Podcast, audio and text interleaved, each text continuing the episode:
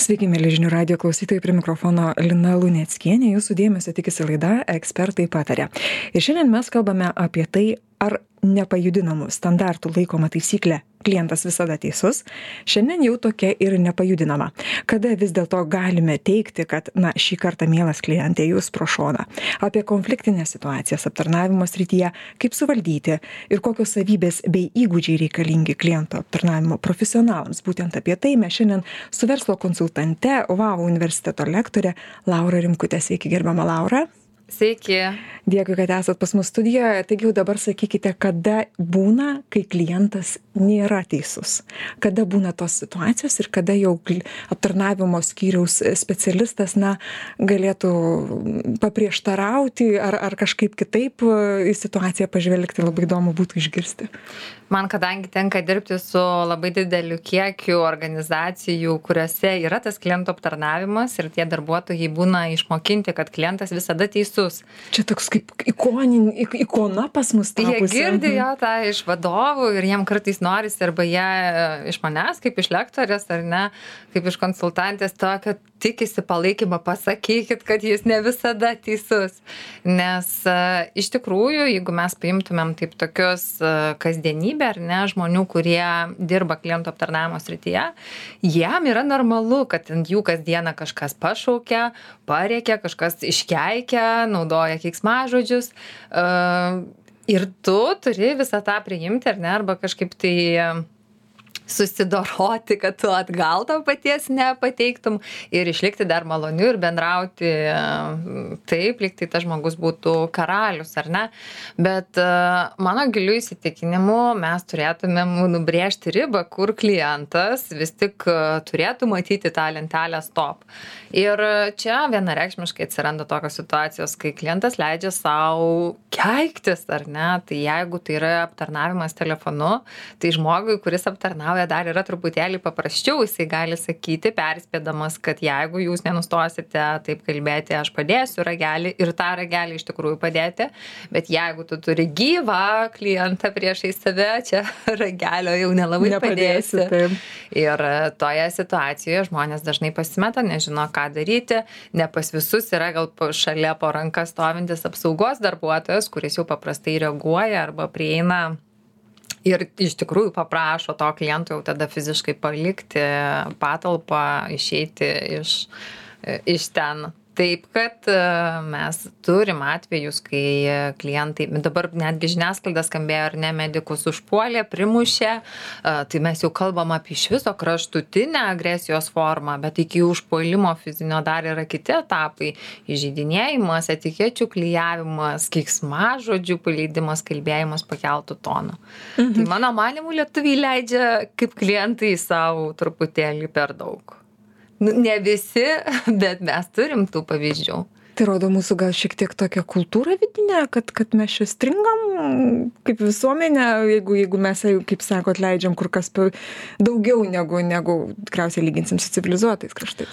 Man atrodo mes esame tokie truputėlį šiauriečiai bendrąja prasme turėtumėm būt tokie santūrūs gal pagal tai kad na šiaurė šiaurės žmonės mes ir esam gal kol neprikapsi ar ne? Arba kol esam kaupęsi kaupęsi ir tenai kai jau pri prikapsi daug sukauptų dalykų ir jeigu žmogui ryte buvo blogas rytas su vaikais gal e, su vyru ar žmona kažką ne taip pašnekėjo ir jeigu jis lau kaupė kaupė tai galbūt tas klientus aptarnaujantis darbuotojas tapo tuo ties kuriuo praplyšo ar ne jau viskas ir išsiveržė. Bet e, mes kai sakau kad mes esame šiek tiek šiauriečiai mes esame šaltesni iš abiejų pusių. Klientų aptarnavimo darbuotojai pas mus irgi nėra pratę labai šiltai arba labai kaip geriausią draugą aptarnauti tą klientą mes jeigu lygintume su amerikos arba pietų europos italija ispanija kur tu gali jaustis apglostytas išklausinėtas kaip tavo šeima gyvena ir taip toliau mes tokių pavyzdžių lietuvoje sunkiai ar ne įsivaizduojam jų nelabai matom ir jaučiam. Tai kaip abi pusės tarsi santūrumas toksai ar ne gaunasi. laura gerai turim konfliktą va dabar tas ane įvyko konfliktas e, kaip elgtis e, klientų aptarnavimo skyrių speci skyriaus specialistui? Ką jis ko kokie pagrindiniai žingsniai turėtų būti iš jo pusės žengiami ką jūs patariat savo A, klientams iš tikrųjų, čia turbūt algoritmas yra paprastas. Mes suprantam, kad konflikto metu pas abi pusės tikriausiai užsiplėskia instinktyvios reakcijos. A, tai reiškia, pulk, bėk arba sustink, apsimesk negyvų. Ir kol aš esu tojose savo instinktuose, aš negebėsiu suvaldyti e, konstruktyviai šitos situacijos. Niekaip. Tai reiškia, jeigu aš esu darbuotojas, mano pirmas tikslas yra nusiraminti pačiam ir antras žingsnis - padėti tam žmogui išeiti iš savo tos e, instinktyvios emocionalios būsenos. O tą padaryti aš galiu visų pirma jį išklausydamas ir e, parodydamas, kad aš suprantu tave ir suprantu, kaip tu jautiesi. Tai reiškia, kad aš turiu panaudoti savo žmogišką empatiją ir atsistoti labai trumpam į to kliento batus ir parodyti jam, kad e, aš galiu suprasti, kaip, kad tau dabar skauda, kad tau blogai. Klientas, kiekvienas klientas turi ne tik racionalų poreikį, dėl ko jis pradeda bartis, arba kad ten vėluoja užsakymus, ar ne Mhm. tą gavau, bet kiekvienas mes kaip žmogus turim ir emocinį poreikį. Mes, turim, mes norim būti išklausyti, norim būti suprasti ir norim jausti svarbus. Ir jeigu man a, konflikto metu, kai mano emocijos užvirė ir aš visas čianai tom emocijom taškausi, kažkas pasako, aš girdžiu tave, suprantu tavo savijautą, tikrai ne faina joje būti. Ir labai noriu tau padėti, žiūrėkim, kaip galiu tai padaryti, ieškokim kartu sprendimo situacijai, žmogui atsipalaiduoja viskas, jis tai truputėlį pamato, kad ne priešas, čia priešais mane, o tas, kuris mane supranta, reiškia, iš tikrųjų gal galim kažkaip tai kitaip kalbėtis. Bet Laura, žinot, va, jūs dabar e, kalbate, atrodo taip viskas paprasta, ar ne? Bet kai realybė, kai emocijos muša stogą, atrodo, tu ten paimsi tą, tą žmogų į sieną įmūrisi, liaudiškai kalbant. Tai kaip ir prieš laidą sakėm, na pats sunkiausias sportas yra suimti save į rankas, tiek, tiek, tiek tiesiogiai, tiek netiesiogiai, ar ne?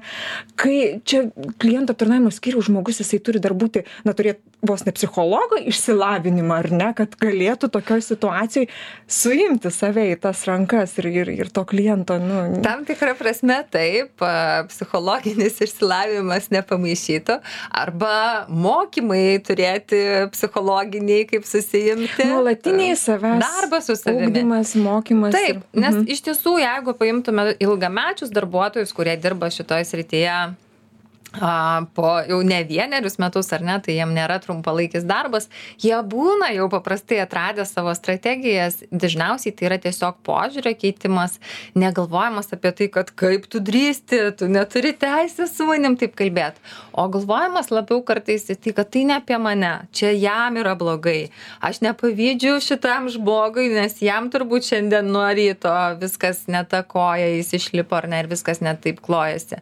Kaip mes juokaujam per mokymus, kartais gal lengviau galvoti, gal jį šiandien žmona ar vyras paliko ir dėl to O jam žmogui tikrai. Taip, aš geriau griebsta. jau man tavęs bus gaila, negu aš galvosiu, kaip tu drįsti ir man sukils pyktis, ar ne, kuris mane patį ves į... Bet ar gailestis dar labiau neišauks dar didesnės, e, pasipik, dar didesnio Jo, pasipiktinimo? nereikia gal primti tiesiogiai, neklausti to žmogaus, kas tau šiandien atsitiko, kad tu šitaip, bet jeigu tu viduje jausi atjautą ar tą gailėšio ar ne emociją, tai jinai tavęs nestatys e, tavęs paties į polimo e, režimą, kur tu norėtum sudraskyti tą priešais esantį žmogų.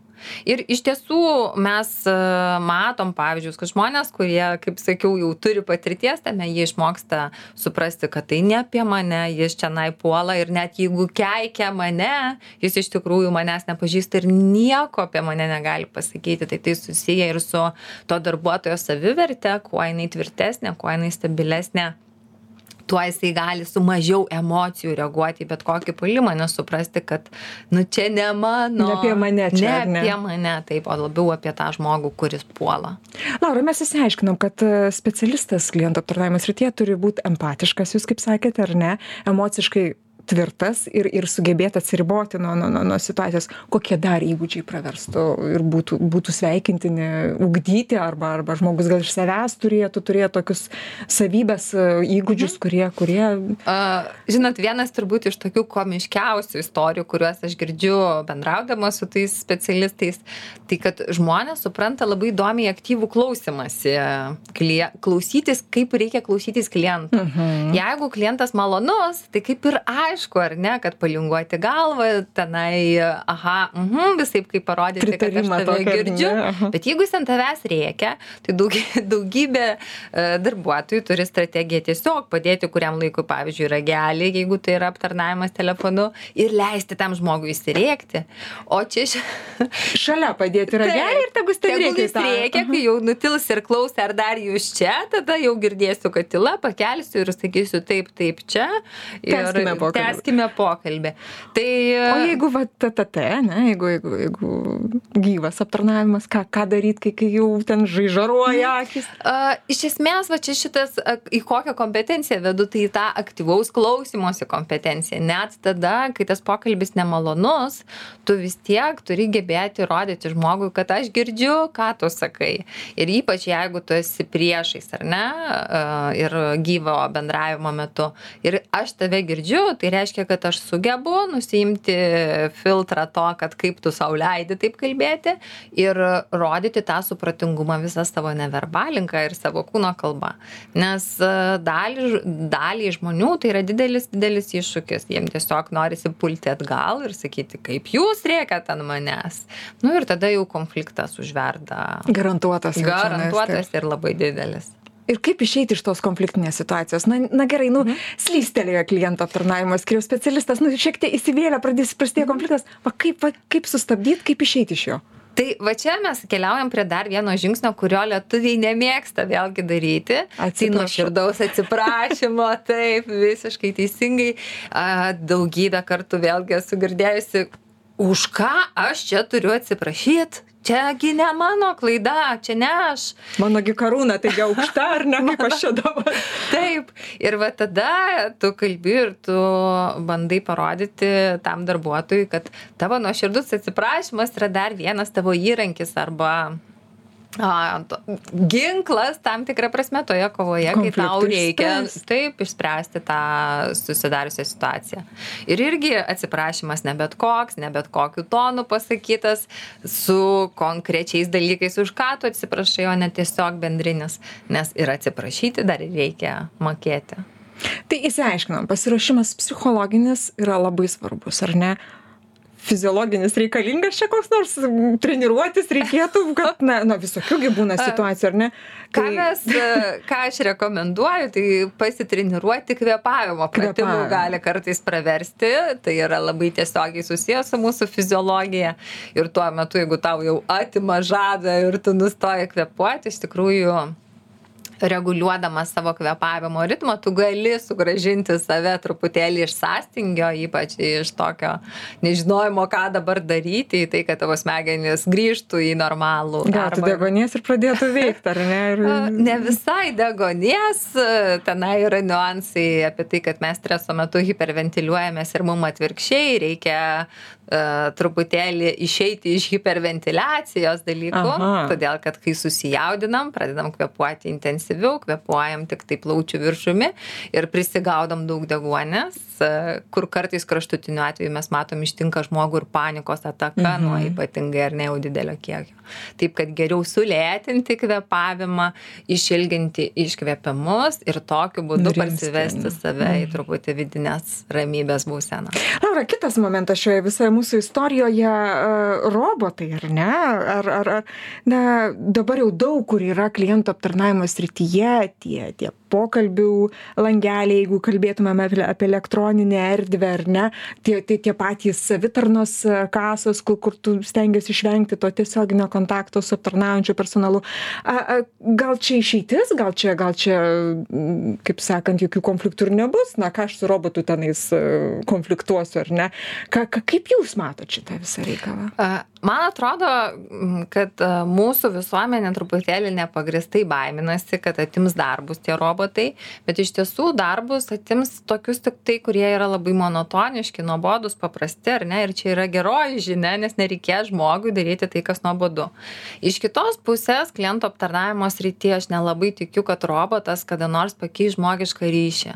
Mes neturėtume to baimintis nors ir yra eksperimentų ar tyrimų sakančių kad net psichologas robotas gyvūnas kažkam gali būti geriau negu gyvas žmogus. Netgi, taip. mhm. Netgi šitaip, bet tik jeigu imti dabartinę situaciją, tai mūsų robotai dar netokie geri ir žmonės dar netiek įpratę, taip kad artimiausių metų aš nematau grėsmės. Šiltas santykis, to, tos pačios empatijos rodimas yra bendravimas su žmogumi, pažiūrėkim, net ir prie automatinių kasų vis tiek yra dar vis žmogus, kuris prisiliečia vis dar pagalbos kartais, jeigu kažkas blogai mes žiūrim į žmogų ar ne. Nu, nei robotą, teisingai, mesgi nekalbėsim su su ekranu, būk mielas, malonus, tu čia man dabar patar, ką daryti, ar ne? Gerai, o tai, va, prakalbam apie, apie, apie ateitį, kokias jūs matote profesijas kurios tikrai na bus bus top dešim ir ir ir kurių tikrai reikės ir be kurių mes na nei nei dirbtinis intelektas nepakeis niekas kitas. Matot kažkokias va tokias visiškai klasikines tradicines profesijas kurios gyvuos gyvavo gyvuoja ir gyvuos? Nu čia dalinami pažadai kad visi it technologijų visi specialistai žinovai mm, biotechnologijos ir taip toliau yra dalykų kurie tarsi labai progresyviai atrodo ateičiai. Mano manymu viskas kas susiję su labai artimu santykiu šiltu kontaktu su žmogumi tame tarpe ir klientų aptarnavimo dalis jinai irgi niekur nedings. Nes tada kai mes kuo daugiau būsim apsupti robotų tuo vertingesnis apskritai bus žmogiškas kontaktas ir sąlytis su juo o kai paklausiu kitaip tada o kokių neliks profesijų? Kaip kaip jūs prognozuotumėt turit kokių minčių vat kokių profesijų na tai tai tą ką ką jau sakiau ką mes matom jau ir be pradėjus veikti visur kur yra monotoniškos užduotys pasikartojantys paprasti darbai kuriuos žmogui iš tikrųjų kasdienybėj yra nuobodu ir sunku daryti psichologiškai jų tai nestimuliuoja tai šitie darbai dings. Tas pats mūsų pavyzdys ar ne kurį dabar matom sėdėti kasoje yra tikrai nelengvas darbas ir daugeliui mielai robotas atsiradęs kaip automatinės kasos pavidalu pavidalu puikiai atlieka tą funkciją ir žmonės naudojasi jo paslaugom. Laura, ne, apie mūsų ateinančią kartą, apie, apie Z kartą ar ne, apie, apie Y kartą, visokių čia minčių, nuomonių.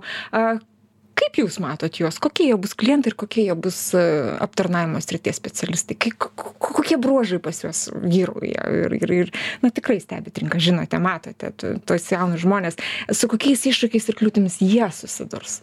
Tiek iš kliento pusės tiek iš aptarnaujančio čia toksai geras klausimas tas jaunimas kuris dabar jau yra žengiantis pirmuosius žingsnius darbo rinkoje man kai kuris atrodo labai nuoširdus ir bendraujantis vat būtent tuo labiau betarpiškesniu būdu su klientu negu kad e, vyresnės vyresnių mhm. kartų atstovai ir tas man atrodo gali būti didelis koziris iš kitos pusės e, kartais atrodo kad e, jų patirties gal stoka arba dar supratimas apie tai ką aš turiu daryti ir kas yra mano darbas ir kas yra mano atsakomybė juos truputėlį pristabdo ar ne arba ne visada jie geba taip empatiškai atsistoti į tuos kli į kliento batus ir pagalvoti iš tos pusės o kaip aš čia dar galėčiau viršyti lūkestį arba tiesiog padaryti, kad tas žmogus jaustųsi svarbus ir kad jam būtų fainai. Tai vad e, įdomu bus stebėti, kaip empatija su mūsų naujaja karta, kiek jinai bus jiems sava, natūraliai plaukianti iš jų elgesio ar kažkaip tai išmoktas dalykas. Na ir pabaigai, kadangi laida mūsų ekspertai patarė, e, norėčiau jūsų paprašyti e, akcentuoti pagrindinius dalykus, kalbant mūsų šiandienos tema būtent aptarnavimo specialistams aptarnavimo paslaugas teikiančioms įmonėms kokie pagrindiniai turi būti žingsniai e, pokalbyje su klientu kai jau matosi kad klientas na jis tikrai jau norės sieks konflikto. Ką jūs patartumėt? Kaip kaip elgtis toj situacijoj ir kaip išeiti iš konflikto. Priminkim apie tai ką apie ką mes kalbėjom. Jeigu labai apibendrint tai mes galim sudėlioti konflikto valdymo algoritmą į keturis žingsnius. Ir turėtume pradėti nuo emocinių poreikių atliepimo tai yra klausyti žmogaus leisti jam nugaruoti leisti jam pasakyti kas jam blogai ir kas jo netenkina ir parodyti supratingumą arba empatiškumą. Tai yra tikrai nuoširdžiai pasakyti aš suprantu kaip tu jautiesi ir man nesmagu būtų būti tavo situacijoj. Aš atsiprašau įsiterpsiu bet čia netgi tinka ne tiktai verslo kliento santykiai. Čia čia tinka tikriausiai visur. Net ir šeimoj net ir net ir santykyje su vaiku santykyje vyras moteris ar ne? Taip visiškai tai tai yra žmogiškas ryšys nesvarbu kokį kontekstą mes paimtume. Ir man rodos lietuviam yra va čia ir yra sunkioji dalis parodyti arba išreikšti empatiją žodžiais. Mum atrodo gal ir suprantu viduj bet nesakysiu tau kad tave suprantu. Tu jau pats susiprask kaip aš kaip aš čia jaučiuosi viduj tyliai ramiai ar ne? Ir čia mum trūksta to gebėjimo išreikšti parodyti parodyti empatiškumą ir tik tada keliauti jau prie situacijos tikslinimosi nes ką daro dabartinis klientų aptarnavimo specialistas jeigu aš paskambinau su problema ar atėjau su problema jis man sako koks jūsų užsakymo numeris neskubėk tikslinti situacijos pabūk su manim kaip žmogus su žmogumi ir tuomet jau keliaukim prie mano prisipratink mane ar ne? toksai kaip prisipratink mane Rodyk, kad tu esi mano pusėje, o ne tas priešas, su kuriuo man reikia dabar pasiraitot rankovės ir kovot. kitas momentas jau mes es turim konfliktą ar ne? Ką ką kaip čia elgiamės Tai algoritmas tas pats, mes vis tiek leidžiam žmogui kalbėti, neišeis tokio paspausti mygtuko, kad va, Mute. ir jisai miut jo ir tyli. Ir kartais labai išsigasta darbuotojai to, kad kaip čia taip dabar, bet mes neturėtume tai bijoti, net ir parduotuvėje balsą pakėlęs klientas dažnai sulaukia sugėdinimo iš kitų klientų. Uh, ir darbuotojas neturėtų bandyti to paslėpti. Jis atvirkščiai savo ramiu tonu, lėtesniu kalbėjimu ir tylesniu balsu turėtų parsivesti klientą į tokį patį kalbėjimo ritmą, parodydamas, kad čia nėra norma kalbėti taip, kaip tu kalbė. ir dar kitas momentas kada klientas neteisus Tada, kai jisai išreiškia agresiją bet kokia forma keiksmažodžiais rėkimu stipriu ar jau nekalbu apie fizinę mes neturėtume taip elgtis su niekuo tame tarpe su žmonėmis kurie mus aptarnauja. Laura noriu dėkoti jums už pokalbį žinių radijo klausytojams. Primint kad šiandien laidoje ekspertai pataria pas mus svečiavosi verslo konsultantė vau universiteto lektorė laura rimkutė. Dėkui jums laidą vedžiau aš lina luneckienė. O jūs ir toliau likite su žinių radiju gražių jums dienų